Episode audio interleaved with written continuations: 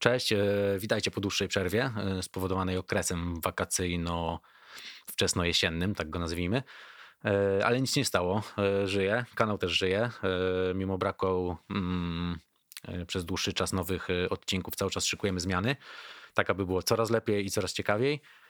E, jeśli chodzi o te zmiany, to nowe logo, które możecie zobaczyć właśnie od tego odcinka. Zagościło e, na wszystkich platformach, e, będzie na YouTubie, będzie na, na, na wszystkich Spotify'ach i całej reszcie. Tutaj czas na małą prywatę. Autorką zdjęcia do nowego logo jest moja koleżanka Agnieszka, którą z tego miejsca bardzo serdecznie pozdrawiam. E, Aga jest rewelacyjną fotografką. E, w opisie odcinka zostawię Wam namiary mm, na jej social media. Jeśli macie ochotę sprawić e, sobie niezapomnianą pamiątkę w postaci jakichś zdjęć, czy to indywidualnie, czy z partnerem, partnerskiej, z dziećmi, to gwarantuję Wam, że po sesji z Agą będziecie zachwyceni. Także Aga, wielkie dzięki. Pozdrawiam Cię bardzo serdecznie. Mm, no nic, y, tyle z przedodcinkowych wstępów y, i, i wprowadzenia. Pamiętajcie, że mm, jeśli chcecie dać mi kopa do dalszej pracy, to łapeczka w górę, subskrypcja, ocenka, komentarz, to wszystko bardzo fajnie, fajnie działa i bardzo mi pomaga. Mm, z góry za to bardzo dziękuję. No i co? I lecimy z siódmym odcinkiem. Ja miałem lecieć do Smoleńska w 2010 roku 7 kwietnia z Donaldem Tuskiem i 10 kwietnia z prezydentem Lechem mhm. Kaczyńskim. Poleciałem z Donaldem Tuskiem 7 kwietnia, byliśmy, tak lądowaliśmy w Smoleńsku, byliśmy w Katyniu. Potem 10 kwietnia miałem lecieć z prezydentem Lechem Kaczyńskim, natomiast nie wystarczyło miejsc dla dziennikarzy w tym samolocie.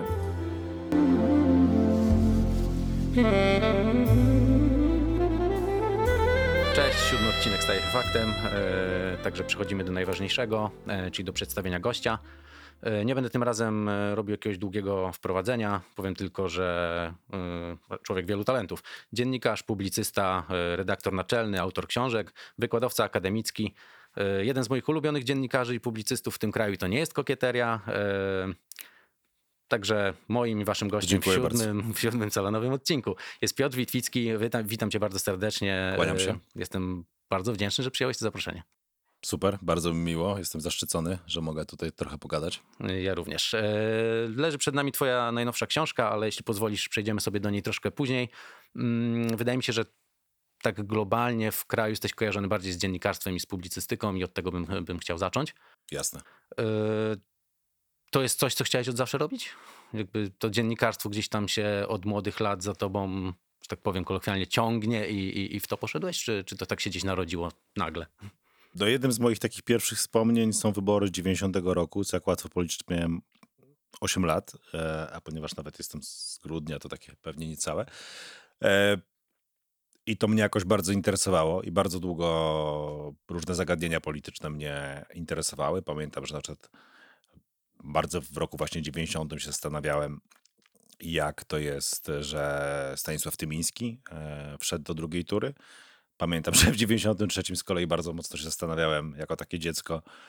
E, nikt nie chciał odpowiedzieć, dlaczego SLD wygrało wybory. Mm, I miałem takie różne refleksje po prostu, więc gdzieś mi to towarzyszyło. Nie były to tematy obojętne mm, dla mnie zupełnie.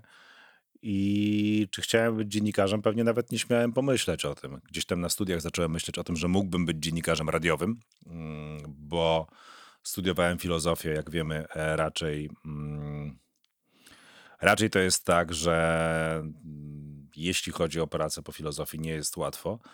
Nie ma serii ogłoszeń pod tytułem filozofa, zaraz przyjmę, bo jest tam niezbędny w naszej korporacji. Więc tak trochę zacząłem się martwić gdzieś w połowie studiów, co ja właściwie będę robił. I gdzieś tam naturalną rzeczą, z racji tego, że wiele osób mi mówiło, mm, że mam radiowy głos, e, było pójście do radia, a ponieważ interesowałem się też dość mocno muzą wtedy, to myślałem o tym, żeby zostać DJ-em, e, takim w sensie DJ-em na jakiejś popołudniowej audycji włączać e, muzykę, opowiadać o niej. To było moje marzenie, no a potem się to wszystko zaczęło po prostu komplikować. Hmm. No właśnie, bo, bo te studia filozoficzne mnie zaciekawiły, bo jeśli to dziennikarstwo gdzieś tam się za tobą, y, gdzieś to się pojawiało już od młodych lat, czemu nie dziennikarstwo właśnie? Tylko nie, wiesz, jakoś chyba... Nie, w ogóle chciałem studiować polonistykę. Nie wiem, czy to jest interesujące dla kogokolwiek, natomiast no, rzeczywiście myślałem gdzieś w liceum, że, że będę się zajmował literaturą, że będę pisał coś tam w sumie koniec końców piszę, natomiast e, myślałem, że tak zawodowo będę się tym zajmował. Bardzo mi imponowały jest dziwne, ale wydawało mi się, że ktoś, kto zajmuje się tak bardzo serio słowem, językiem, no to, to, to, to dotyka czegoś bardzo ważnego i to było dla mnie super ciekawe. W sumie przez przypadek, mimo tego, że na tę polonistykę się dostałem, to poszedłem, poszedłem na filozofię, a dziennikarstwo jakoś wydawało mi się... Nie, nie brałem go po prostu pod Mhm. uwagę. Wydawało mi się, że taki model, że jesteś właśnie w radiu studenckim i czy tam jakimś lokalnym i studiujesz jest dobrym modelem gdzieś tam podświadomie. Ja zresztą do dziś no nie ukrywam, że akurat mimo tego, że prowadzę przecież od lat zajęcia na dziennikarstwie i pewnie studiowanie dziennikarstwa nie przeszkadza w niczym, ale czy też jakoś super pomaga? No mam spore wątpliwości, tak? No, mało kto chyba teraz pracuje w wyuczonych zawodach. Już nie mówimy o takich zawodach typu prawnik, lekarz, ale takich... No właśnie, ale na przykład takie wykształcenie prawnicze w e, zawodzie dziennikarza może się bardzo przydać. Z wykształcenie ekonomiczne może się przydać w zawodzie dziennikarza też bardzo fajnie, tak? Natomiast samo dziennikarstwo, jak słyszę od moich studentów, że oni mają przedmiot, gdzie uczą się gatunków e, prasowych, gdzie za chwilę no, prasy nie będziemy mieć, no to mm, nie wiem, czy to ma jakikolwiek e, sens, czy to pomaga. Ja w ogóle uważam, że z tym dziennikarstwem to nawet nie do końca jest zawód. E, Jako taki uważam, że to jest pewien styl życia. Po prostu. I albo go masz, albo się do tego nadajesz, albo nim jesteś 24 godziny na dobę, bo sprawdzasz, e, rozkminiasz pewne rzeczy, trzymasz rękę na pulsie.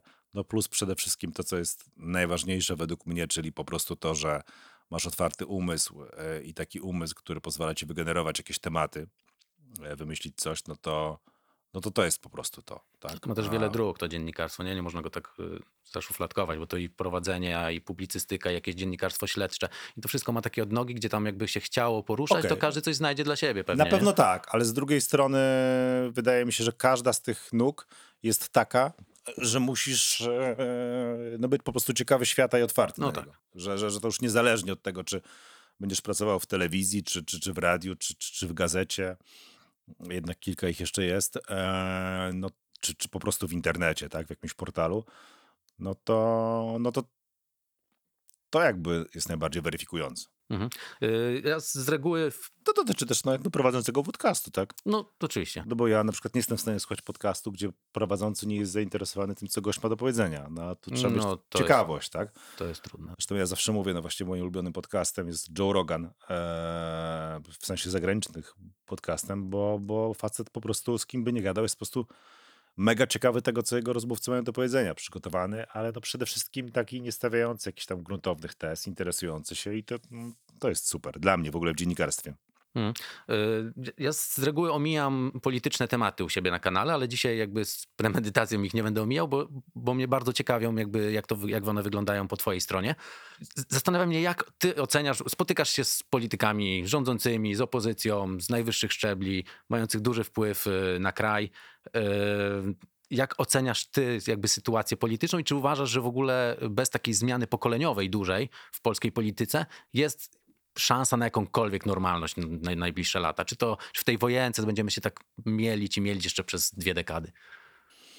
To jest strasznie dużo wątków. E, Może ocena najpierw, a później czy wydaje ci się, że to jest, jest da się to zmienić? to zmiana pokoleniowa, no, no ona w końcu przyjdzie. No ja sam robiłem parę lat temu e, taki, taką serię wywiadów do Plus Minus, nazywała się Plus Minus Rzeczpospolitej, nazywała się mm, Plus Minus 35 e, i rozmawiałem tam, czy Plus 35 z ludźmi, którzy ma, politykami, e, którzy, nie, minus 35 musiał, a może plus minus. E, w każdym razie idea była taka, że rozmawiałem z politykami przed 35 rokiem życia. Jak wiemy w Polsce to jest tak, że 35 rok życia uprawnia cię do startu na prezydenta. I zrobiłem serię wywiadów, właściwie ze dwa lata je robiłem pewnie mm, z ludźmi, którzy aspirowali, którzy, którzy są, e, byli wtedy młodymi politykami. Mm, I prawda jest taka, tak teraz dopiero o tym pomyślałem, że w sumie oni dalej funkcjonują na rynku politycznym chyba właściwie wszyscy jako tak zwani młodzi politycy. No ale o czym my mówimy, tak? W Polsce Rafał Trzaskowski funkcjonuje jako młody polityk, tak? Rafał tak. Trzaskowski funkcjonuje jako e, młody polityk, a z tego co pamiętam, to Rafał Trzaskowski ma lat, e, Ile lat ma Rafał Trzaskowski? No, 40 49? 7 albo 9 chyba. 50 już ma, No, no skończył. już ma 50. No, No, on funkcjonuje jako młody polityk, prawda? To dowodzi tego, gdzie jesteśmy jako zmiana pokoleniowa i tak dalej. no jesteśmy trochę w plecy, nie ma co oszukiwać się. No. No, Jakby jesteśmy. te Jesteśmy, zmiany, jesteśmy. te zmiany yy, No wiesz, ale to barw, jest, które nam słuchaj, no, skaczą. ale to- problem, problem jest e, głębszy.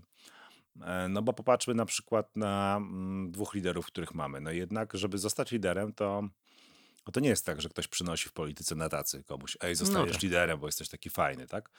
No nie, no jednak gdzieś tam Donald Tusk musiał dokonać rzezi e, politycznej e, w Unii Wolności, mm, a potem znów e, w Platformie pewnie, która się tam jakoś kreowała i tworzyła, żeby zostać liderem. No Jarosław Kaczyński też i swoje przeszedł, czy w porozumieniu centrum, czy, czy, czy w później w różnych formach Prawa i Sprawiedliwości. Mam na myśli to, niech każdy tam ich ocenia jak chce, natomiast, że no nawet nie tyle, co jakby liderem się zostaje, no bo to jest oczywiste. Natomiast no, mm, bycie liderem to komuś trzeba wyrwać. Więc teraz, no, jeśli my się zastanawiamy i tak mamy, nie lubię wchodzić w tę konwencję ubolewania, jak to bardzo ta nasza polityka nie, nie, nie, nie, nie, nie, doświadczyła zmiany politycznej. No okej, no może dlatego nie doświadczyła zmiany politycznej, bo nie było nikogo, kto byłby w stanie wziąć i wyrwać po prostu e, i powiedzieć, no teraz ja jestem liderem. No zdaje się Rafał Trzaskowski też gdzieś tam, jeżeli chodzi o liderowanie Platformy, raczej wymiękł, to prawda? Mhm. Po No pytanie, czy relatywnie wymięk, czy dobrej... został skutecznie odsunięty od tego, bo to też... Znaczy wiesz, no jeżeli został skutecznie odsunięty, znaczy mi się wydaje, że najpierw wymięk, potem został skutecznie odsunięty, e, no ale jeżeli został, to znaczy, że skutecznie odsunięty, to znaczy, że dał się skutecznie Odsunąć, no, odsunąć tak? tak, coś w tym jest. Więc em, to jakby o to mi chodzi. Znaczy ja też, słuchaj, no może nie, nie wiem, może nie ma takich ambicji, może, może jakby ma inne, nie mi tylko to jeśli mówimy o zmianie pokoleniowej, no tylko, tylko zwracam uwagę na jedną drobną rzecz, że no jakby to nie jest tak, że ktoś na tacy przynosi komuś, e, jakiemukolwiek politykowi, gdziekolwiek, kiedykolwiek, będziesz teraz liderem, to raczej się wyrywa, to raczej się wykuwa, to raczej e, są lata politycznych różnych zabójstw i tak dalej, tak? Jak się przejedzie Tak. przez historię Platformy Obywatelskiej od Andrzeja Lechowskiego przez Macieja Płażyńskiego, Zytę Gilowską, Pawła Piskorskiego, Jana Maria Rokitę i tak dalej, no to jest to historia, w której już nawet pozostawiając te na, boczu, na uboczu poprzednich liderów, Ewę Kopacz, Grzegorza Schetynę, e, Borysa Budkę i tak dalej, no to, to jest jednak historia, mm, no, w której wiele osób próbowało być liderem, a jednak jakoś tam specjalnie nikomu nie Mhm. wyszło. Zresztą no, znowu o opisie można powiedzieć to samo, tak? No tak. Ilu było prezesów, tak, tak zwanych wiceprezesów? Od czasów Ludwi Ludwika Dorna, Kazimierza Ujazdowskiego, e, Pawła Zaleskiego, e, rozłamów, tak, e, Solidarnej Polski, Polski 21, Polska jest najważniejsza. No, dzieje tak? się tam, dzieje Jak ktoś się się. tym no. interesuje i trochę ma taki rys na historię, no to widzi, że no, nie jest to takie proste. Tak, a z jakiegoś względu no, wygląda to tak, jak wygląda. I Jednak panowie, o których mówimy, nawet w swoich okręgach dostają no, rewelacyjne wyniki. i tam... dokładnie. Nie wiem, czy ty się cieszyć, czy, czy smucić z tego, no ale to trzeba chyba obserwować i po prostu, i po prostu czekać. No przede wszystkim chodzić na wybory, no bo to, yy, to jest chyba bolączka tego kraju. Nie? Yy, Dobra, ale yy, o ukrywanie poglądów chciałem się zapytać, bo jak rozmawiasz, rozmawiasz i z opozycją, i rozmawiasz z rządzącymi, yy, starasz się jakoś usilnie ukrywać yy, swoje yy, polityczne poglądy, czy tam swoją, swoją mm, nie wiem, frakcję, której kibicujesz, czy nie zwracasz na to za bardzo uwagi? Raczej. Znaczy przede wszystkim to lecisz. nie jest, znaczy to generalnie... Hmm. No bo Znaczy po pierwsze to mogą to ocenić sami widzowie i użytkownicy i tak dalej. E, to po pierwsze i niech sobie bardziej czy oceniają. w, u siebie nie? czujesz, że, że się starasz bardzo. E, no właśnie nie czuję, żebym się starał jakoś bardzo, bo z jednego prostego powodu. No, ja mam generalnie taki mental, w którym nie identyfikuję się z żadną z tych e, kibolskich drużyn. E, po prostu mam raczej mental taki, w który podpowiada mi, no, że coś jest bardziej skomplikowane, że coś nie jest takie proste, jak to jest sprzedawane, że... Mm, że to jest trochę tak, że po pierwsze nie kupuję tego upraszczonego świata, który serwują nam politycy. Po drugie, mam w nosie przekazy dnia, e, bo wiem trochę, jak to wygląda naprawdę. Po drugie, no znów, je, czytam już trzecie, jak znasz historię polityczną, no to wiesz, że to jest trochę bardziej skomplikowane. Widzisz trochę obłudę tych polityków, widzisz ich cynizm.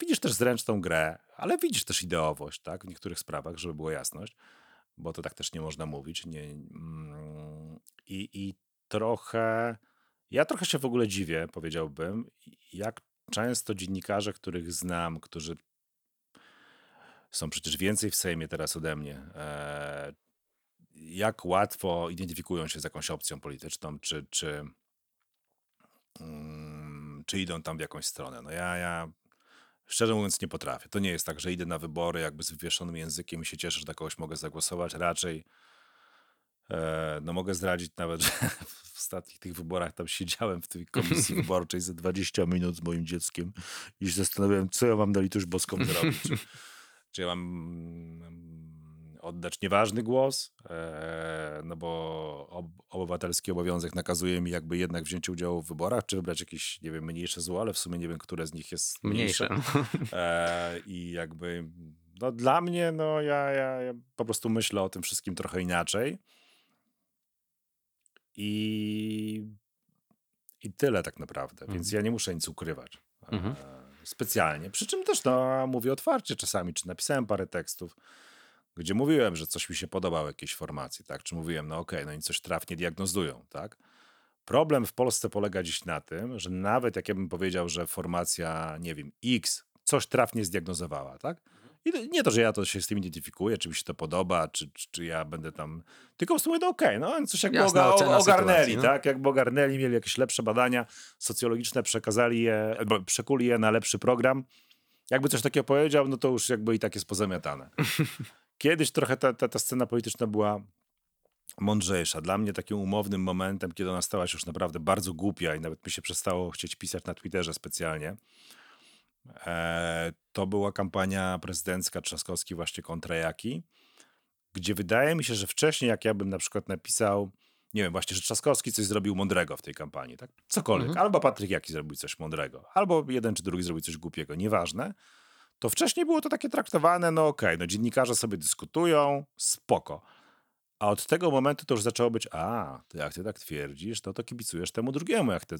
I to jest po prostu no, nieznośne, tak? Jakby I w sumie e, zauważam pewne rzeczy, czasami o nich piszę, e, czy zauważam je po prostu w trakcie programów, natomiast rzeczywiście jest to mega nieznośne. Jest to dla mnie mega nieznośne to, że jak ja powiem, no nie wiem właściwie co, tak? No, no mówię, no, że jakaś formacja Mhm. coś trafnie zdiagnozowała, coś powiedziała mądrego, ma coś, nie wiem, kurczę, w, e, w programie wyborczym coś, co, co odzwierciedla trendy europejskie, albo jest nie najgłupsze, ten, no to generalnie już jesteś wrzucany do tego worka. No tak, już wspierasz rządzących jakby, albo... Tak, albo opozycję, albo kogokolwiek tam, a jakby no nie, nie wspieram nikogo, więc zależy mi, żeby w, tym, w żadnym z tych worków nie być. To jest jakby jedno. Dwa, jeszcze gorsze jest to, i to już jest naprawdę akurat mm, i to, to nawet powiem, że widzę bardzo często po innych dziennikarzach też. No generalnie na czym polega bycie dziennikarzem? No, bycie dziennikarzem w moim, akurat ma- mam teraz na myśli takie programy, chociażby jak Gość Wydarzeń, Mhm. E, Polega trochę na byciu adwokatem diabła, tak? To znaczy, mm, jak mam dwóch gości, jednego z rządu, drugiego z opozycji, no to ich przepytuję tak, że zawsze jestem z tej drugiej strony. Na tym to polega. I gdzieś tam się coś wydarzyło w naszej opinii publicznej, czy, czy na Twitterze, czy, czy, czy gdzieś, że ludzie przestali właściwie to rozumieć. E, że ja występuję w roli adwokata diabła. To znaczy, ja zadaję pytania na kontrze, tak? Mhm. I, I to, że ja zadaję pytania broniąc e, stanowiska przeciwnego do tego, który ma mój rozmówca, to nie znaczy, że ja je podzielam. Powiem więcej, no jakby często zadaję pytania, na które znam odpowiedzi, tak? Ale no jakby staram się też pokazać widzom, tak? Dlaczego to coś prowadzi. Mm, I na tym polega według mnie praca dziennikarza. I to, że ludzie przestali to rozumieć, a widzę to, mówię nawet nie po swojej pracy, bo to, co ja tam dostaję na tym Twitterze, czy gdzieś tam, to jest jakby jedno, ale często jest tak, że widzę po pracy dziennikarzy innych, że okej, ten zadał jakieś pytania nie temu, co trzeba, a ten jest kojarzony z tą opcją polityczną, no to jest jazda.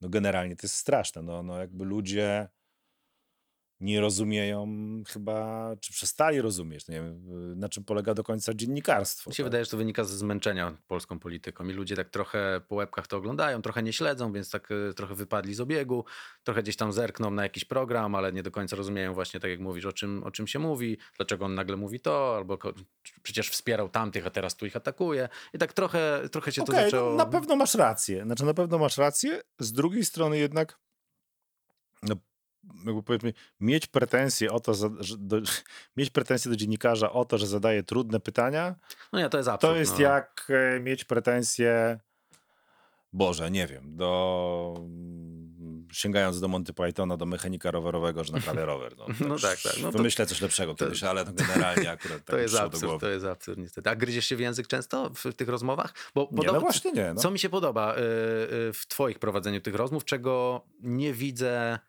albo bardzo rzadko widzę u innych dziennikarzy, i mówię tu globalnie różnych stacji, to ciągnięcie za język polityka, bo jest ta tendencja nieodpowiadania na pytania. Mnie to straszliwie frustruje.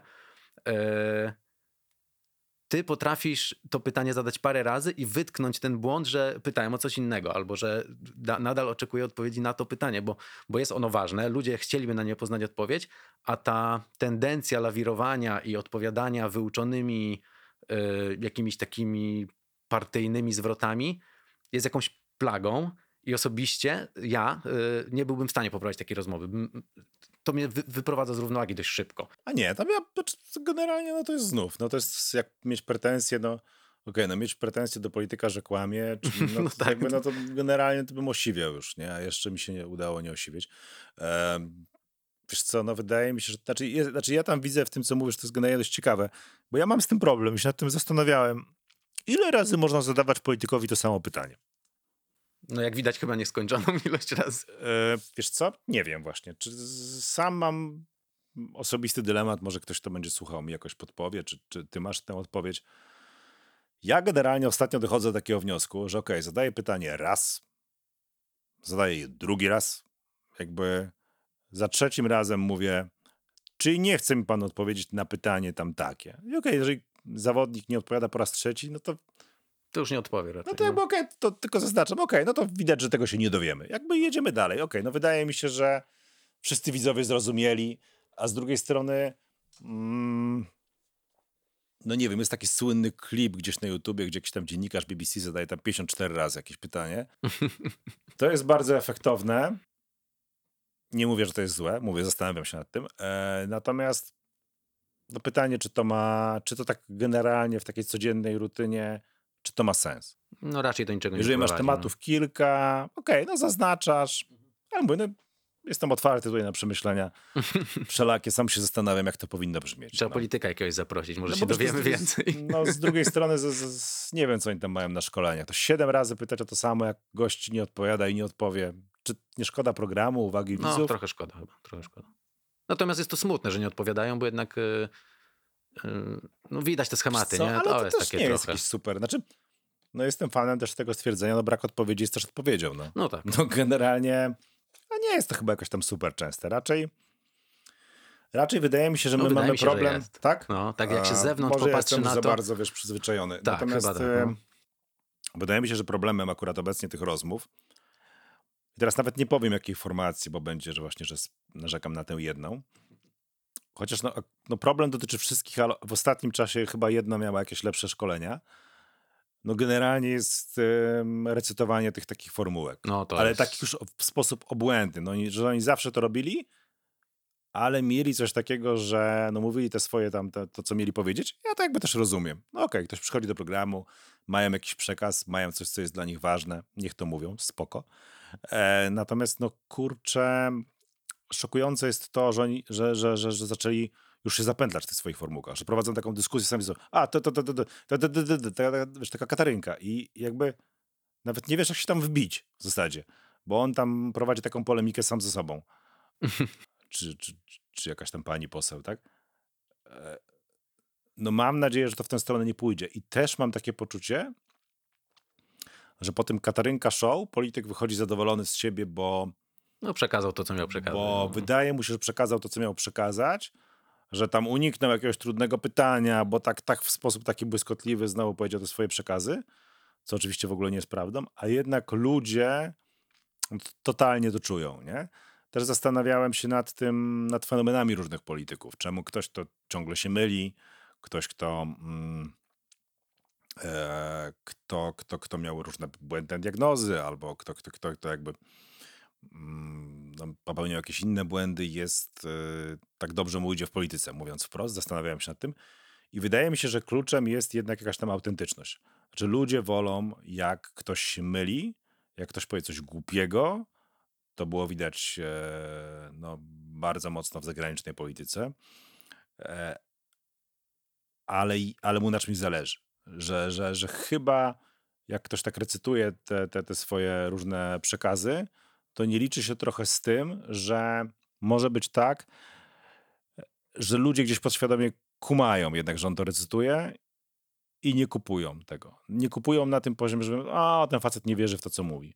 Bo ktoś, kto wierzy w to, co mówi, też No. trochę zastanawia nad tym, co mówi, trochę bardziej No, waży I też słowa. wszyscy robimy błędy. No, każdy Tak. z człowiekiem gdzieś tam jest się w stanie pomylić i to, to Tak, tak, ta tak. tak. autentyczność A jak wynika ktoś, z tego, nie? Ktoś trzepie te przekazy, no to okej. no, jakby, Mm. Jaką to ma wartość właściwie. Czyli po tym, co mówisz, wnioskuję, że yy, nie masz tak, że wolisz na przykład z opozycją rozmawiać albo wolisz z rządzącymi. Jest ci wszystko jedno. Także co, wolę rozmawiać z gośćmi, którzy mają coś do powiedzenia. powiedzenia. Wolę rozmawiać z bohaterami, że tak powiem, dnia, wydarzeń. Na tym mi zależy. Czy oni są z opozycji, czy oni są z rządu, jest mi wszystko jedno. E, no, w zasadzie, co tu można więcej powiedzieć? To, to jest moim zadaniem, tak? No Żeby dokładnie. tego dnia wieczorem, gdy prowadzę na przykład gościa wydarzeń, mieć tam najlepszego gościa, którego dotyczyły dzisiejsze historie. I szczerze mówiąc, skąd on jest, nie ma to dla mnie żadnego Okej. znaczenia. yy, cofniemy się trochę yy, wstecz w twojej, powiedzmy, karierze Mhm. dziennikarskiej, tak to nazwijmy, e, bo jeśli dobrze to odczytałem, to byłeś jednym mm, z dziennikarzy, którzy mieli relacjonować obchody katyńskie, e, a wiemy, co się wydarzyło i relacjonowałeś tą, yy, relacjonowałeś katastrofę. Tak? Znaczy ja miałem lecieć do Smoleńska w 2010 roku mm, 7 kwietnia z Donaldem Tuskiem i 10 kwietnia z prezydentem Lechem Mhm. Poleciałem z Donaldem Tuskiem 7 kwietnia, byliśmy, tak lądowaliśmy w Smoleńsku, byliśmy w Katyniu. Potem 10 kwietnia miałem lecieć z prezydentem Lechem Kaczyńskim, natomiast nie wystarczyło miejsc dla dziennikarzy w tym samolocie. E, później fotografowie, operatorzy lecieli jakiem, mm, Mhm. nie Tupolewem. E, no miałem, no i tak, rzeczywiście było tak, że nie poleciałem tego 10 kwietnia, chociaż byłem na liście pasażerów pierwszej do Smoleńska 10 kwietnia 2010 roku, no i zostałem w pracy, w studiu. No i tak się złożyło, że prowadziłem, że tak e, powiem, e, tego dnia. Mhm. To było zresztą jedno z moich pierwszych prowadzeń. E, tego dnia prowadziłem, e, no, relacjonowałem to, co się dzieje. Mhm. No i właśnie, bo tego się przewidzieć nie da i to jest, uważasz to z perspektywy czasu jako taki kamień milowy w swojej jakiejś, no powiedzmy, że dalszej karierze dziennikarskiej, czy to, no bo stres tam był prawdopodobnie dość duży. Tak zakładam. Znaczy, wiesz co, to było wszystko takie mm, nieprawdopodobne wręcz, No e, w sensie, no, że miałem być w tym samolocie, a jestem tutaj w studiu, No opowiadam o tych ludziach. E, to, Pamiętasz że... w ogóle to? Tak sobie, ci przerwałem. Tak, y, pamiętasz jakby ten dzień, kiedy to prowadzisz dość dobrze, czy... czy... E, pamiętam, pamiętam, pamiętam. No ja, e, generalnie, no ja nie miałem dużego doświadczenia Mhm. e, takiego prezenterskiego wtedy. Miałem niewielkie, no mówię, ze, ze dwa razy serwis wcześniej poprowadziłem pewnie. Mhm. informacyjny. E, więc no, byłem przerażony oczywiście no, tym, że tam jestem, a czułem, że powaga sytuacji jest ogromna, że nie chciałbym zawieść widzów, nie chciałbym zrobić tego źle, bo to nie jest czas i miejsce, kiedy robisz coś źle. E, no i oczywiście no, pamiętam mm, no, pamiętam na przykład to, no, że te listy pasażerów, które do nas docierały, się zmieniały, tak? No bo one się zmieniały. No i no to generalnie no, było dość straszne, tak? Przecież ja tych ludzi wszystkich, e, znaczy wszystkich, no, no, no większość z nich znałem, tak? E, pamiętam, że dwa tygodnie wcześniej mm, rozmawiałem na przykład z Władysławem Stasiakiem, e, który był wtedy w kancelarii akurat prezydenta. Mm, I pamiętam, że się kłóciliśmy generalnie właśnie o internet. Ja mu tak próbowałem panu ministrowi tam coś pocisnąć generalnie, że oni nie mają kontaktu z bazą, jeśli chodzi o internet, a on się okazało, że jednak ma dość spory. Mm, I mieliśmy taką rozmowę, akurat Władysław Stasiak, zarówno jak Paweł Wypych, też z Kancelarii Prezydenta, no to byli tacy goście no, na bardzo konkretnym poziomie. E, Bardzo lubiłem z nimi rozmawiać i no... No i taka informacja, jesteś w studiu, tak, to no, generalnie też trochę to było tak, że jednak, no nie wiem, no relacjonujesz to, mówisz o tym, a cały czas masz nadzieję, no że jednak no jest jakoś inaczej, tak? Że, że nie wiem, że no jednak, że może oni przeżyli, tylko my jeszcze o tym nie wiemy, że może ten samolot, no to, to nie wiem, no, no nie chcę wymyślać, tak? tak, ale no bo to jest- nie chcę no, wymyślać, bo to może być nawet niesmaczne, natomiast no gdzieś wtedy pamiętam, że jednak może tak mózg oswaja em, tragedię jakiejś sytuacji, że jednak wydawało mi się to na tyle nieprawdopodobne, że wydawało mi się, że za chwilę się okaże, no nie, no, że większość tych ludzi żyje, no jest niemożliwe, tak? Niemożliwe, no. No a gdzieś tam z biegiem dni i ten, no dochodzi do ciebie, no że jest to jednak możliwe i no, no nie tylko możliwe, no ale się to wydarzyło, no, że wydarzyło się to, co jest niemożliwe, tak? To, co wcześniej myślałeś, że jest niemożliwe. Ale czy, wiesz co, nie myślałem o tym nigdy jakimś tam kamieniu milowym w mojej tak, e, rozwoju zawodowym. No i pewnie nie było e, jakoś specjalnie. Tak.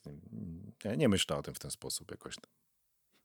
No bo myślę, że to jest taka sytuacja, że wielu ludzi będących na tym miejscu, którzy, tak jak mówisz, zaczynają prowadzenie czegoś na żywo, jakichś wiadomości, Mhm. wydarzeń czy czegokolwiek, e, no to to jest sytuacja totalnie nie do przewidzenia i wydaje mi się, że totalnie nie można się na nią przygotować. I to już tylko silna Nie, nie można, ja powiem siła charakteru jeszcze. jest w stanie tutaj chyba zadziałać i, i motywacja albo potrafię, jakby e, umiejętność walki ze stresem i takiego wyciszenia się, żeby w ogóle dojść do takiego poziomu, żeby móc to poprowadzić, bo, bo dzieją się różne rzeczy na świecie, ale, ale czegoś takiego się przewidzieć nie da i, i no szacun, że to, że to Wiesz co, jeszcze to dzięki, e, że ja pamiętam jeszcze, że wtedy, bo ja tak nie poleciałem 10 kwietnia do Smoleńska, chociaż miałem lecieć i miałem jakiś taki dyżur reporterski, bo ja potem usiadłem przy stole prezenterskim. Natomiast pamiętam też, że byłem umówiony, że wymyśliłem sobie, że zrobię, bo to była przecież już powoli kampania prezydencka się zbliżała, że zrobię sobie materiał o wyborach. Mm, Ale taki trochę bardziej nietypowy, że zrobię o tych kandydatach mm, nie pierwszoplanowych, powiedziałbym. I pamiętam na przykład właśnie, że chciałem nagrywać Jerzego Szmajdzińskiego, mm, który zawsze był w sobotę rano w Trójce wtedy. I chciałem jechać na Myśliwiecką 357, nagrać setkę e, z Jerzym Szmajdzińskim i wtedy no też czytając tę listę, tak, no czytasz, no Jerzy Szmajdziński, tak, już miałem go nagrywać. Dwie godziny temu myślałem, że będę go nagrywał. A teraz czytam taką informację, tak? No, straszne to było, szczerze mówiąc. No, straszne. No, Mhm. no, A masz jakieś swoje sposoby na walkę ze stresem przed, przed wizją, czy ona cię już po prostu nie stresuje w tej chwili? Wiesz, jakbym przestała stresować, to by było już po mnie. E, więc trochę mnie stresuje cały czas i to dobrze. Wydaje mi się, że no, takim sprawdzonym sposobem są, jest branie głębokich oddechów, ale to pamiętam jeszcze z, z czasów, kiedy tam grałem, nie wiem, w kółku teatralnym. Ale to rzeczywiście pomaga. No to rzeczywiście w jakiejś takiej sytuacji, kiedy zaczynasz dygotać, no to wzięcie tych e, pięciu takich bardzo głębokich oddechów, zwolnienie, to pomaga. No to, to, to rzeczywiście pomaga. Wiesz co, nie no, najlepszym sposobem na stres jest jakby no dobre przygotowanie się, tak? To jest jakby najlepszym sposobem, w tym sensie, że no, jeżeli masz przygotowany program, wiesz po co przychodzisz, wiesz o co chcesz zapytać, masz przygotowane alternatywy, to znaczy jak ten temat nie siądzie, bo coś tam, jak tutaj coś tam przedobrzyłeś, to coś tam, no to generalnie no nie masz powodu do zestresowania się, tak? Czasami oczywiście biorę jakieś takie rzeczy na żywo się dzieją, tak? Ktoś, nie wiem, jakiś polityk na przykład e, też mieli to chyba na jakimś szkoleniu, bo nagle wszyscy politycy, było coś takiego, był taki moment, e, a to ja zadam pytanie panu, e, panu redaktorowi o coś tam. To- Musieli mieć to na szkoleniu, bo nagle wszyscy jakby z dnia na dzień zaczęli robić ten numer, tak? Tak, a tam wtedy Nie. często pada pytanie, ale to ja, to, to ja No to i prowadzę, tak, no, no dobra, ale to ja tak. zadaję pytania, więc jakby proszę się to uspokoić, tak? to była- była taka plaga, no. Pamiętam, że, że, że, że jakoś, a co pan sądzi o czymś tam? Tak, bo to nic nie sądzę, bo jestem od zadawania pytań. Sądzić to ja mogę sobie w domu, jak będę to opowiadał jakby w domu, tak? E, I tu pamiętam, że zaczęli mnie stresować jakby tym akurat. E, E, A potrafisz nie przenosić pracy do domu? Czy to jednak jest tak mocno zakorzenione y, w tobie, że gdzieś tam do No tego co, jak musiał- odreagowujesz, musiałbym zaraz przejdziemy, ale Wiesz co, musiałbym zapytać bliskich, e, co oni sądzą na ten temat. Paradoksalnie sytuacja taka, jak prowadzę program, to nie jest sytuacja, którą przenoszę do domu akurat, bo mam jakoś tak to poskładane w głowie już od lat, że kończy się program, dziękuję, proszę. Mhm. Tak, jakby zamykam Zdro- temat. Zdrowe podejście. No. Oczywiście gdzieś tam później patrzę, czy to jest cytowane, czy to jakoś tam zrobiło karierę, czy nie, ale już jakby nie, nie, mm, nie żyję tym jakoś bardzo, tak? Chyba, że nie wiem, co by się tam miało wydarzyć. Pewnie akurat obowiązki redaktora naczelnego Interi, to one są inne. No i to siłą rzeczy jest ze mną w domu, tak? Dlatego, że one się nie kończą. To nie jest tak, że na przykład wybija godzina, nie wiem, 22, to kończą się obowiązki. No nie, no generalnie strona żyje. Ludzie mają do ciebie, nie wiem, pretensje, zapotrzebowania, chęci mm, i tak dalej. E, więc, e, więc właśnie, tak? To, to, to nie jest tak, że powiesz, dobra, to teraz ja kończę, teraz skończyłem robotę. No nie, no bo Mhm. jakby zaraz ci ktoś uświadomi, że tak nie jest. no właśnie, a mm, odreagowujesz sobie jakoś, y, jak się pośledzi trochę twoje media społecznościowe, y, to widać tam, że gdzieś uciekasz y, w góry, trochę w naturę, na pewno w muzykę, o której wspomniałeś już tutaj. Boks się jakiś widziałem pojawił. To są takie twoje sposoby na trochę odreagowanie tej polityki. Tej... Umówmy się, polityka w naszym kraju jest dość ciężkim tematem i takim potrafi wsiąść na człowieka, mówiąc tak w cudzysłowie no nie, no, oczywiście. to dla mnie nie jest jakoś tam szczególnie ciężkim, szczerze mówiąc. O, no to- E, to- Jakoś nie, nie, nie, nie, nie przeżywam tego tak bardzo. Znaczy, nie wiem. E, generalnie, no, znaczy, czasami mnie tam z lekko z dołu, jak oni tłuką cały czas te same jakby głupoty, Mhm. e, nie logując się do rzeczywistości, ale no też no, nie przeniósłbym tego do domu, czy jakoś bym tam nie skwitowałbym tego więcej niż dwoma zdaniami, e, nawet jeżeli by, były to mocne zdania. E, natomiast, wiesz co, no, Czyli to bardziej pasje niż, niż no taka... ja generalnie zawsze mówiłem tam sobie, że, czy tam bliskim, że no ja jestem generalnie szczęśliwym człowiekiem, jak mam czas na to, żeby poczytać i robić jakiś sport, po prostu. Mhm. I to wtedy dobrze funkcjonuje. Tak, w momencie, kiedy mam tyle obowiązków, tyle rzeczy do zrobienia, że przestaję uprawiać sport, e, bo nie mam na to czasu i nie mam czasu poczytać, nie mam czasu usiąść i poczytać jakieś mądre książki, no to rzeczywiście Czegoś jest za Mm, dużo. To, czy- to, to, to, to nie jest tak fajnie, tak? To czuję, że już nie jestem ani taki kreatywny nawet w pracy, ani nie mam takiego flow w domu, więc no to jest ważne. No, tam boks się pojawił, boks to akurat powrócił po 5-6 latach, bo wcześniej sobie trochę e, narobiłem kręgosłup właśnie trenując boks. No boks tam jest pewnie gdzieś tam moją pasją i teraz robię takie nieśmiałe podejście e, znów do niego. Bardzo lubię, bardzo fajnie, ogólnorozwojowe treningi. Mm, Jako tam- kibic też? tak, tak, tak. No zresztą moja pierwsza powieść e, No jest Petarda bokserem, to jest ks- książka, o, która jest bardzo mocno osadzona w boksie. Mm, To miałem tam jakichś swoich ideoli bokserskich. Zresztą ostatnio zrobiliśmy w Interi wywiad, z którego byłem szczególnie e, zadowolony. Wywiad z e, Usykiem, mm, czyli mistrzem świata wagi ciężkiej, który jest Ukraińcem i, też był w czasie konfliktu w czasie wojny e, w Ukrainie i, i to się jakoś tam przydaje. Kibicuję, ale też to może trochę tak ja nigdy nie byłem jakimś psychofanem jakiegoś jednego szczególnego boksera, czy, czy, czy jakby e, raczej lubię analizować walkę, co ktoś robi, dlaczego. e, Czyli mnie- to- dziennikarskie podejście takie. Kurczę, no może teraz sobie tak uświadomiłem, że może. No nie, no, może inaczej. Na przykład jak była ostatnia walka właśnie Usyka z Joshuą, no to już w pewnym momencie, że tak powiem, ten Joshua mnie tak irytował w ringu, to co robił, było tak bez sensu po prostu, że już jakby dobra, niech ten Usyk to wygra, bo mu się po prostu to należy, jak psu Buda to mistrzostwo. Mówię zwłaszcza o drugiej walce. Em, natomiast rzeczywiście zawsze mnie fascynowało takie bardziej podejście okej, ten ma takie zalety, takie ma wady. W boksie jest takie powiedzenie, sty, styl robi walkę. E, jak dostosujesz ten styl do przeciwnika, tak? Jak wykorzystasz swoje atuty.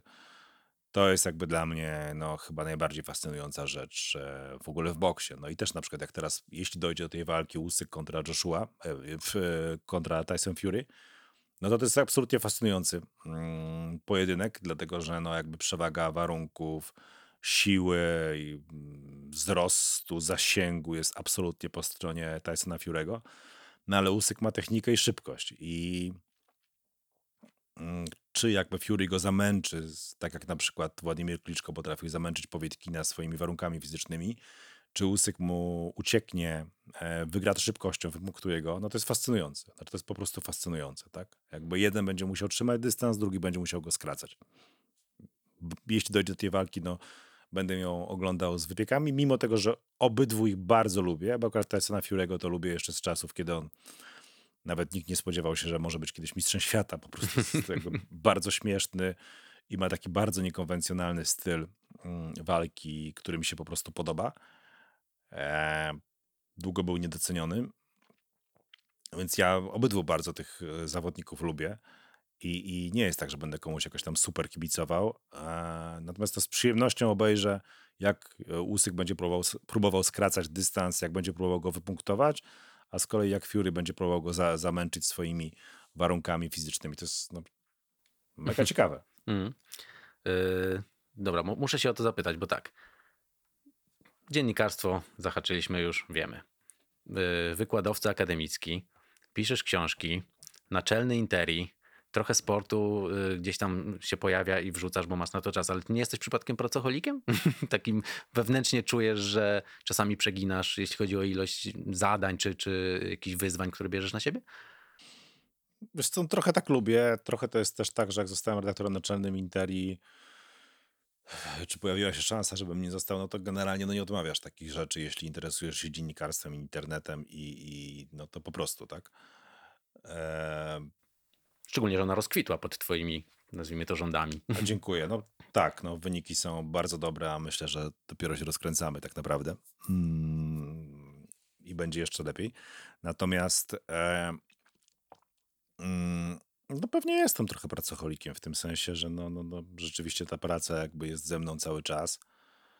Ale gdzieś tam no mam, tak, mam swoje rzeczy, e, w sensie trochę tam sportu, e, z którego nie chcę rezygnować, bo jak z niego rezygnuję, no to w ogóle ważę 100 kilo i też się do niczego nie nadaje. Nie powinni mnie pokazywać wtedy w telewizji, na pewno. E, I no też mam jakby córkę, tak, e, z którą, no nie wiem, na przykład cały weekend się teraz uczyłem biologii, matematyki i to też było niezłe wyzwanie. Mm, A gdzieś tam w tak zwanym międzyczasie pisałem tekst właśnie na stronę, bo przygotowaliśmy się na Dzień Czystego Powietrza.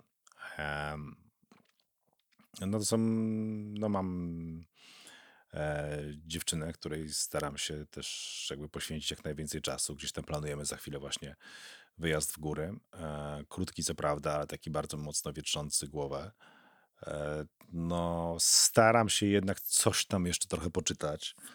Staram się, żeby muzyka była obecna w moim życiu. Tu patrzę na płyty winylowe za tobą e, i też właśnie wiem, że mam, jak wrócę do domu, to mam w paczkomacie jeden e, winyl, którego bardzo chcę posłuchać. Więc no gdzieś tam to pozwala przetrwać, tak? No pracy jest bardzo dużo, ale jest to fascynująca praca. Jest to po prostu to, co dzieje się w Interi jest fascynujące. Cały czas dowiadujemy się czegoś nowego, cały czas e, wymyślamy sobie nowe cele i to jest po prostu super. Uwielbiam to. Mm, lubię dalej robić wywiady. Szukam cały czas ciekawych gości, szukam cały czas ludzi, z którymi jeszcze nie rozmawiałem, albo nowych pomysłów. Nie mam już na to pewnie tyle czasu, co kiedyś. Więc to jakby nie. No, mam poczucie, że tego jest dużo i trudno to ogarnąć po prostu. No chyba do momentu, kiedy przynosi ci to jakąś tam frajdę, czy, Tak, czy ten, to, trudno, to no, jeszcze... Bo zastanawiam czy jeszcze zaakceptowalne? Z czego miałbym zrezygnować? No z bycia redaktorem naczelnym Interi bym nie zrezygnował. Ze swojego tam e, podcastu, który zacząłem robić, no nie chcę rezygnować, tak? Z prowadzenia gościa wydarzeń, no nie chcę rezygnować. Wydarzenia prowadzę stosunkowo krótko. Też nie chciałbym z tego rezygnować, bo wydaje mi się, że całkiem się podciągnąłem z kilkoma rzeczami tam. Zresztą wczoraj nagrywałem audiobooka e, mojej książki Znikająca Polska i też mi wydaje się, że to doświadczenie się bardzo przydaje, tak? Też e, prowadzenie zajęć ze studentami, o którym wspominałeś, no jest dla mnie mega ważne, tak? Bo no to jest jednak kontakt z bazą, tak? Jednak oni mają do powiedzenia ci coś, o czym ty możesz nie pomyśleć.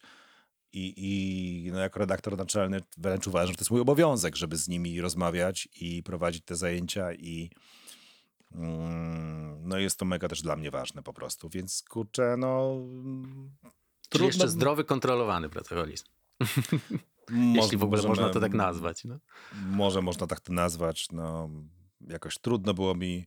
Powiem sobie, powiem szczerze, że dziś no nie wyobrażam sobie, żeby zrezygnować z którejkolwiek jakby z tych rzeczy. Po prostu, bo, bo, bo są dla mnie mega ważne i je lubię. Mhm.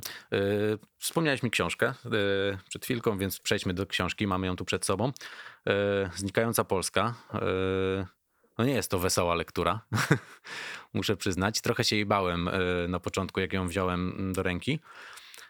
Y, Już ci powiem, dlaczego się jej bałem, bo opowiada o Włocławku. Znaczy inaczej, jest napisana z perspektywy Włocławka, którego nie znam. Nie byłem w nim nigdy. Zapraszamy. Yy, urodziłem się w 20-tysięcznym mieście, Włocławek. Wspominasz tam około 100 tysięcy w tamtym okresie. Tak? Dość Mhm, mniej mhm. więcej. Ale o dzi- A, no czegoś jeszcze się bałem. Bałem się tego, że mm, to będą takie suche fakty o miejscu, którego nie znam i jakby ciężko mi będzie wejść w ten klimat yy, tamtego okresu w mieście, w którym nigdy nie byłem. Okazuje się, że to jest tak uniwersalna książka, że czytając ją, miałem wrażenie, że napisałeś o moim mieście, tylko nazwy fabryk się zmieniły albo... A, no to generalnie taka była idea. Idea generalnie świetne. była taka, dzięki, że żeby to nie jest historia Włocławka. Znaczy jest historia Włocławka i nie jest, tak? W tym sensie, że to ma być historia każdego miasta średniej wielkości, bo one generalnie, te historie są takie same. O to chodzi. Mhm. Tak Ale są przerażające wręcz, jeśli tak... y, y, No właśnie wczoraj nagrywając audiobooka się zorientowałem, wracając, mówię, kurczę, naprawdę tam grubo było.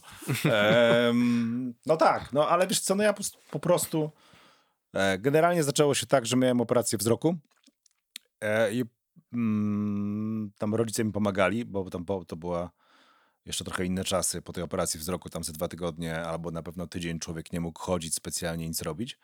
Więc siedziałem we Wrocławku. Mm, W pewnym momencie mogłem już jakby iść na spacer, w sensie założyć ciemne okulary i iść po prostu. No w związku z tym no nic innego nie robiłem, tylko słuchałem audiobooków i chodziłem na spacery. Dochodząc gdzieś na kraniec miasta, zawsze orientowałem się, że gdzieś na końcu mego miasta stoi jakaś fabryka, o której kiedyś słyszałem i w sumie jej nie ma i i w sumie tak sobie pomyślałem, że kurde, no jestem jakimś tam dziennikarzem, który stara się dowiedzieć jak najwięcej, stara się być ciekawy. Jestem w swoim mieście, tak? Z którego pochodzę i nie mam zielonego pojęcia, co tam się wydarzyło. Ale tak totalnie zielonego, że jest jakaś fabryka, celuloza. Okej, była, nie ma jej. Co się wydarzyło? No nie wiem, to siadam do netu, rozkminiam. No nie ma nic, tak? No, nie ma jakby przyczyny właściwie, co tam się wydarzyło. To samo sprawdzam Nobiles, to samo. E, Cel, Boże, e, ceramika, e, fajans, tak? E, Włocławska część Ursusu, czy, czy chociażby Delekta, który już akurat nie, nie opisałem, czy Fabryka Wisy, bo nie, nie wszystkie zdążyłem opisać. Mówię, nie mam zielonego pojęcia, co tam się wydarzyło. No to okej, no nie ma nic w internecie, tak? No to siadam do prasa lokalna, tak? No siadam i rozkminiam. Nic w tej prasie właściwie nie ma. I się wkurzyłem po prostu. Mówię, kurde, jak to jest możliwe, że taka ważna część życia historii miasta jest w ogóle nieopisana.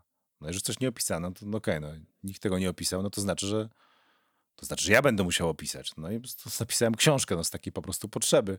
No nie miała jakiegoś głębszego przesłania filozoficznego, czy nie wiem jakiego. No po prostu zająłem się opisywaniem fragmentu rzeczywistości, który nie został opisany. Ale chciałeś trochę wzbudzić jednak myślenie wśród ludzi, bo, no bo my jesteśmy w podobnym wieku yy, i w zasadzie takie dzien, yy, Boże, dziennikarstwo, chciałem powiedzieć, dzieciństwo, yy, przechodziliśmy takie Tak. powiedzmy, że świadome dzieciństwo w latach 90. No i patrząc po sobie, ja wtedy nie zwracałem uwagi na, co, co jednak bardzo fajnie pokazuje ta książka, nie zwracałem uwagi na upadające fabryki, które u nas też upadały. yy, Ty wiesz, a ja też nie zwracałem, no, No bo właśnie. generalnie jak jesteś dzieciakiem, to ci się wydaje, że to wszystko jest oczywiste. Dokładnie. Tak? I teraz jak to przeczytałem, to mówię, kurczę, Ty, a może mogło być inaczej, nie? Nie? A może mogło być inaczej, a może to nie było takie... Może, może gdzieś było inaczej w ogóle i tak dalej. E, no ja tam nie stawiam jakichś dalekosiężnych... Trochę tak jak na początku naszej rozmowy, gadaliśmy o polityce, no. Generalnie ludziom się wydawało, że ta książka pewnie będzie jakaś turbo antybalcerowiczowska, ponieważ ja piszę o upadających fabrykach, tak? A to nieprawda, no bo jak sobie przeanalizujesz tę historię, to okazuje się znów, że to jest trochę bardziej skomplikowane, tak? Że to jest jednak trochę bardziej skomplikowane, że tam wielu mm, chciało coś zrobić, niewielu coś zrobiło. O. E, zostawiam absolutnie, to mi się zresztą podoba, bo e, wiesz, ja byłem z tą książką i lewica mnie zapraszała, taka hardkorowa lewica, i mniej hardkorowa lewica mnie zapraszała, I byłem z tą książką na przykład na kampusie Rafała Trzaskowskiego i PiS się interesował tą książką i generalnie myślę, że to jest okej. No to pokazuje uniwersalizm, nie? Tak, książkę, którą każda z opcji politycznych jakoś tam bierze na klatę i próbuje coś z nią zrobić. I rozmawiałem z kulturą liberalną i książka była nominowana na nagrody Batorego, czyli tak dość liberalnie. I przecież bardzo mocno lewica się upominała o nią. To jest okej. Uważam, że to jest okej, bo to pokazuje, a też tam, to oczywiście, jak zawsze, to pojawiły się też jakieś tam oskarżenia, że być może ona jest pisowska, bo tam jakby pokazuje tam... No, To chyba się nie uniknie obecnie. nie wiadomo co. Tak, a że, że perspektywę miast średniej wielkości, czy tam mniejszych miejscowości i mm, tłumaczy pewne rzeczy, tak, jakby, no właśnie. Więc em, uważam, że to jest okej. Uważam, że to jest okej. Też nie przez przypadek blurby na mojej książce, czyli te rekomendacje pochodzą z każdej strony, tak, i Klubu Jagiellońskiego, i właśnie kultury liberalnej, e, i, i, i Rafała Wosia, e, który jest lewicowym publicystą i, i jeszcze tam z kilku stron by się znalazło, no bo, no bo generalnie, no jeżeli opisujesz fakty i żadna ideologia nie sprawia, że te fakty tam są jakoś naciągane, tylko idziesz z otwartą przyłbicą i opisujesz tę historię. Oczywiście no ja staram się to zrobić tak trochę po pisarsku, trochę tam płynę czasami, jeżeli chodzi o formę, o, ale no nigdy nie jeśli chodzi o treść, no to generalnie się wszystko zgadza, no to każda z formacji powinna coś tam znaleźć dla siebie i to, znaczy, to mi się podoba akurat. No, czyta się ja bardzo się cieszę, dobrze. ja się Czy- cieszę, że, że, że, że, że oni wszyscy po to sięgnęli, tak? Czyta się bardzo dobrze, dość mocno się zaczyna, jeszcze mocniej się kończy. Yy, Na końcu, Mhm. nie chciałbym tu spoilerować, bo mam nadzieję, że dużo ludzi po nią sięgnie, bo, bo szczególnie ludzie urodzeni w takich latach jak my, gdzie tam mm, w latach 90. Znaczy, ja tylko mogę powiedzieć, że, że, że generalnie, jeżeli ktoś, nie wiem, to nie jest ważne, czy jesteś z Włocławka, Konina, Grudziądza, Tak, to zdecydowanie jakby, nie. to nie. ważne, To Kalisza, nie wiem. E, no, bo, bo to jest historia o Polsce po prostu. O, to jest trans, pro, trans, proces transformacji opowiedziany z perspektywy innej niż warszawska. Okej, a to już teraz ci nie wcinam. No, Tak, no i teraz y, bardzo młodzi trochę mogą mieć dystansu do tego. Starsi, super, tacy, którzy przechodzili dzieciństwo w tym okresie, w którym, o który ty poruszasz, wyciągną z niej bardzo dużo takich y, smaczków ze swojego życia. Jest tam ciekawa historia y, o otwarciu y, pierwszego Statoila y, we Włocławku. To jest jeden do jeden historia po otwarciu pierwszego Statoila w moim rodzinnym Kluczborku, który serdecznie pozdrawiam. Dokładnie ta sama historia. Wszyscy ciągnęli na Statoil, wszyscy jedli hot dogi stamtąd, wszyscy się zachłysnęli yy, taką No wiesz, bo to jest też moja zachodem. historia. To jest też moja historia. W sensie ja pamiętam, o ja na przykład bardzo długo szukałem po czytelniach, żeby znaleźć ten fragment, kiedy otwarto we Wrocławku McDonalda. E, bo ja pamiętam ten moment, jak otwarto w Wrocławku McDonalda. To się później chyba okazało, że to październik 97 roku, jeśli dobrze pamiętam ze swojej książki. E, że to było wielkie wydarzenie. I znów pomyślałem sobie, że historię miasta, no nie możesz opowiadać przez pryzmat tego, że w którymś tam roku to jakiś tam pomnik był, albo coś tam otwarto, albo to, nikogo to nie interesuje. Co zostało w pamięci ludzi? No to, że otwarto McDonalda. Nikt tego nie opisał, tak? Nikogo to nie, nie interesowało. Więc no ja porozmawiałem trochę z ludźmi, przypomniałem sobie, jak to się wydarzyło. Akurat, że ta historia, możemy dokładnie zaspoilerować, że przyjeżdżają goście do, do miasta, e, którzy chcą otworzyć pierwszą, pierwszą stację benzynową w zachodnim stylu. Jak idą do urzędu miasta i wracają do samochodu i znajdują na tylnym siedzeniu cegłówkę i ukradziono im tam radio, czy tam nie pamiętam już co im ukradziono. Mm, No to są generalnie lata 90. Znaczy ja nie znam lepszej historii wrocławskie. Znaczy takiej, wiesz, to, że masz to w soczewce, tak? To, że Mhm. masz to w soczewce. No, to generalnie tak to wyglądało, tak? Oni przyszli ten, no, nie, no to jakby ukradli im furę pod, pod, pod urzędem miasta, no. Eee, więc według mnie to, to, mm, to jest jakby myślę, że dużo mówi. No dużo, dużo. Dużo, dużo. Yy, Natomiast już jakby zbliż- zbliżając się do końca, ale jeszcze dwie, dwie szybkie kwestie chciałbym poruszyć. Yy, Na koniec pojawiają się badania. Chyba jedno, jeśli dobrze pamiętam, to jest GUS, a drugie to jest PAN, yy, że do 2050 roku społeczeństwo polskie zmniejszy się między, zmniejszy się w granicach 4,5 do 6,5 miliona nas ubędzie. No to, że mamy ujemny przyrost naturalny w małych i średnich miastach, to już nie jest tajemnica. Większość zdaje sobie z tego sprawę. A się generalnie tam, pogor, pog- jak ja to pisałem, to chyba nawet to, co nam się wydawało wtedy tragiczne, To się okazało dość optymistyczne. No i właśnie, i teraz jest moje pytanie, bo też z drugiej strony, jakby jako kontra do tego, mówi się cały czas, że jako ogólnie planeta jesteśmy przeludnieni o jakieś 4 miliardy ludzi, co? 3. No i teraz czy w perspektywie... dzisiaj, e, dzisiaj, nie? E, Tam przekroczyliśmy ile? 8 miliardów? y, no, Tak. jeśli przekroczyliśmy, takie to 8. bo Wydarzenie, 7, 7 wydarzenie już, tak, tak, tak, wydarzenie miało miejsce. No właśnie, no to jest 8, gdzie podobno zasoby mamy tak przewidziane na 4 się mówi, a 3 jakby było, to by było najlepiej. No i teraz, y, czy w dłuższej perspektywie czasu spojrzeć na 100 lat do przodu, a nie na przykład 20 lat do przodu, czy to nie przyniesie pozytywnych skutków jednak, to co się w tej chwili dzieje? No to jest trudne, y, trudne do rozważania. Wiadomo, Chyba nie że jestem aż, patrzymy nie mam aż tak, nie dalekosiężnych planów. Ciężko to Tak. sobie chyba wyobrazić, ale... tak, e, czegoś mądrego tutaj super powiedzieć. Znaczy, to, no, generalnie, no, zagadnienie jest o tyle opisane, że no przecież wiadomo, gdzie tych ludzi przybywa, wiadomo, gdzie ich ubywa, Mhm. wiadomo, co się musi wydarzyć. Pytanie, na jaką skalę, jak to będzie wyglądać. Natomiast no, historia ludzkości dowodzi tego, że takie przewidywania są dość śmieszne z perspektywy czasu, no dlatego, że no, no, no wiesz, no co, no, przewidziałbyś miesiąc przed COVID-em, że coś takiego się wydarzy? No nie właśnie. E, tak, raczej w to, co wydarzy się w Ukrainie, też no, od 2014 No to- roku co najmniej mogliśmy o tym jakoś mniej czy bardziej myśleć, natomiast no, Skala jest no ja trochę... pamiętam ten, ten dzień, tak, no, generalnie, kiedy dostałem tego właśnie pusza naszego z Interi, że tam Rosja wkroczyła do Ukrainy, czy tak się chyba nazywało, czy tam inwazja Rosji, tak się... No pamiętam ten moment po prostu, straszny dzień, Mm, no, straszny dzień, naprawdę straszny. Mimo wszystko, że mówiło się o tym, to 24 i tak, i tak, lutego, tak. nikt tego Więc nie mam, mam nadzieję, że brał jakby takie poważnie. przewidywanie mm, zostawiam to świetnym geopolitykom pod tytułem Jacek Bartosiak. Niech przewidują jakby i, i dyskutują. Ja jestem na to za krótki. Dobra, to ostatnia kwestia. Po otwarciu jest krótka notka biograficzna w tej książce i jest rzecz, która mnie bardzo interesuje, a mianowicie przez wiele lat byłeś ghostwriterem. Tak jest tu napisane. No, To ile tak książek faktycznie napisałeś? Jeśli możesz zdradzić. no nie, no to nie są aż takie liczby, żeby tam no rzeczywiście uczestniczyłem. No trudno tak powiedzieć. No, w sensie takim, że byłem w kilku projektach, gdzie komuś pomagałem w pisaniu. No to jeszcze za czasów, kiedy nie byłem takim dziennikarzem. No nie pomagałem nigdy politykom, o, to po pierwsze, jeżeli ktoś miałby wątpliwości. No to z takich oficjalnych rzeczy, no to tam pomogłem e, jednemu muzykowi napisać biografię, to można znaleźć. E, no i po, pomogłem w kilku projektach, gdzie no tam, że tak powiem, ich współautorzy no nie życzą sobie, żebym tam jakoś o tym No, wiadomo. mówił specjalnie. Ja też nie mam takiej potrzeby. No lubię generalnie pisać, tak? Jakby za każdym razem, jak się... To jest jakaś taka choroba, że pojawia jakiś temat, mówię, dobra, to ja usiądę i to napiszę. I tam siedzę i rozkminiam, zawsze staram się znaleźć jakiś pomysł na to. No lubię to, lubię takie wyzwania, lubię zawsze, zawsze...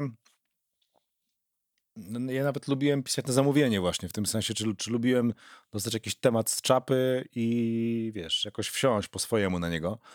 A, no lubiłem pisać, więc, więc wydaje mi i lubię e, cały czas, więc, więc no, sam u siebie zamówiłem książkę pod tytułem Znikająca Polska i ją zrealizowałem.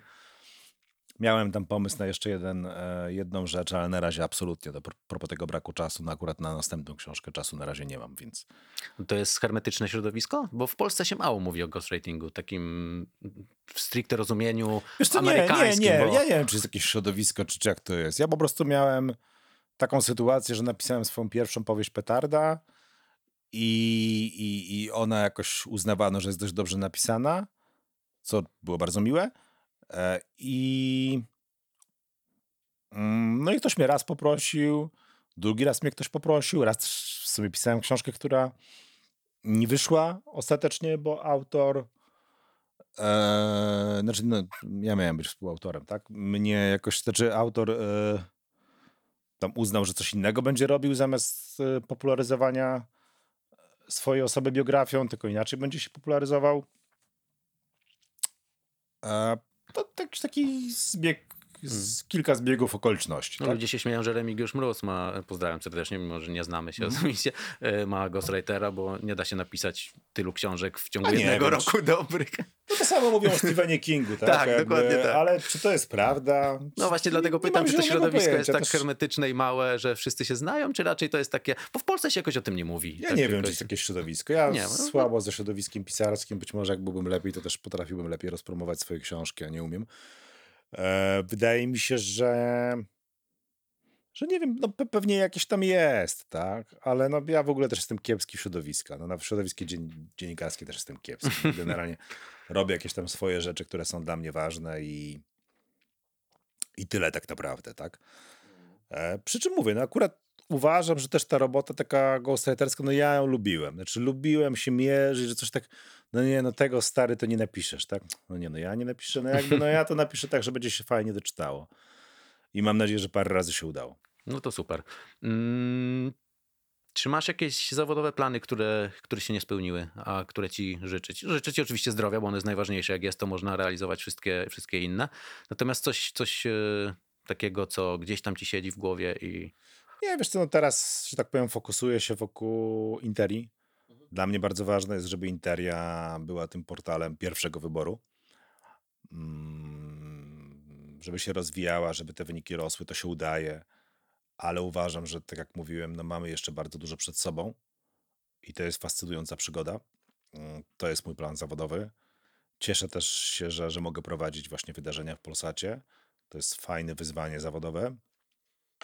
Mm, No, chcę rozwijać parę projektów wokół Inteli, o których tam no, siłą rzeczy, póki one się nie, nie, nie pokażą, wiadomo. no, nie chcę jakoś tam za dużo mówić. Mm, Więc no, wydaje mi się, że wszystko idzie dość, dość fajnie. no, sprawiasz wrażenie spełnionego dziennikarza, spełnionego e, To czy wiesz, to zawsze jest, pisarza, znaczy, więc wiesz, no, zawsze jest coś takiego, że, co można zrobić więcej? Oczywiście. wiesz, że no, jedziesz autem, słyszysz jakieś mówisz, kurde, zrobiłbym to lepiej, nie? Ale bym, ja bym tak zadał ten. Czy myślisz sobie, ale ja bym zrobił serię, na, na którą nie mam wywiadów, tak? Na jakiś temat, na którą totalnie nie masz czasu, bo jest to bardzo pracochłonne i, i gdzieś tam, no, no mam to, tak? No ale udaje mi się cały czas zrywać no, na, na jakiś właśnie wywiad z Usykiem. E, miałem dość ciekawą rozmowę mm, prawie godziną z Leszkiem Balcerowiczem ostatnio. Parę ciekawych rozmów też właśnie w moim podcaście z kolei o, o, o tym, co się dzieje w Rosji. Wydaje mi się, że, że, że jakoś tam no... Z Igą Świątek chyba też niedawno, nie? Pojawiła się okazja, żeby porozmawiać z Igą Świątek, e, to też pogadaliśmy. Więc no ja, ja to lubię, no mi to jest jakoś tam potrzebne akurat do szczęścia. E, Poznawanie ludzi, no też dlatego nie wiem, na przykład jestem u ciebie, tak? Staram się generalnie chodzić, rozmawiać, staram się, no jadę do studentów za chwilę moich e, na SWPS-ie. Też to lubię, też to wiele ciekawych rzeczy można się od nich dowiedzieć. No generalnie uważam, że dlatego powiedziałem, że dziennikarstwo to nie tyle jest jakiś tam zawód wielki, e, albo jaki kto chce, tylko no, to jest jakiś tam styl bycia, no, styl życia właściwie. No, no. Okej, super. To dość optymistycznie zakończyliśmy chyba. Życzę Ci w takim razie spełnienia wszystkich tych planów, które, y, które gdzieś, Dziękuję. tam, gdzieś tam kiełkują, żeby się rozwijały. Tak jeszcze, y, teraz mi się przypomniało, że w sumie na Interi to ja mam skrzynkę pocztową od chyba 90, No super. Tego- 90 tego się chyba trzymaj. 8 roku. Tego, się- tego się trzymaj, no Także generalnie. całkiem nieźle. E, No dobra, to życzę Ci spełnienia tego wszystkiego. Bardzo się cieszę, że, ja dziękuję że, za zaproszenie, bardzo mi było, przyjąłeś. by, bardzo było mi miło pogadać. Mnie również. Zachęcam Was wszystkich do sprawdzenia książki. e, Nie będziecie zawiedzeni. Czyta się rewelacyjnie. Zostawię Wam wszystkie linki e, w opisie odcinka klasycznie. Jeśli się podobało, łapeczka, subskrypcja to zawsze napędza do działania. Także jeszcze raz wielkie dzięki. Trzymajcie się. Dzięki. Hej.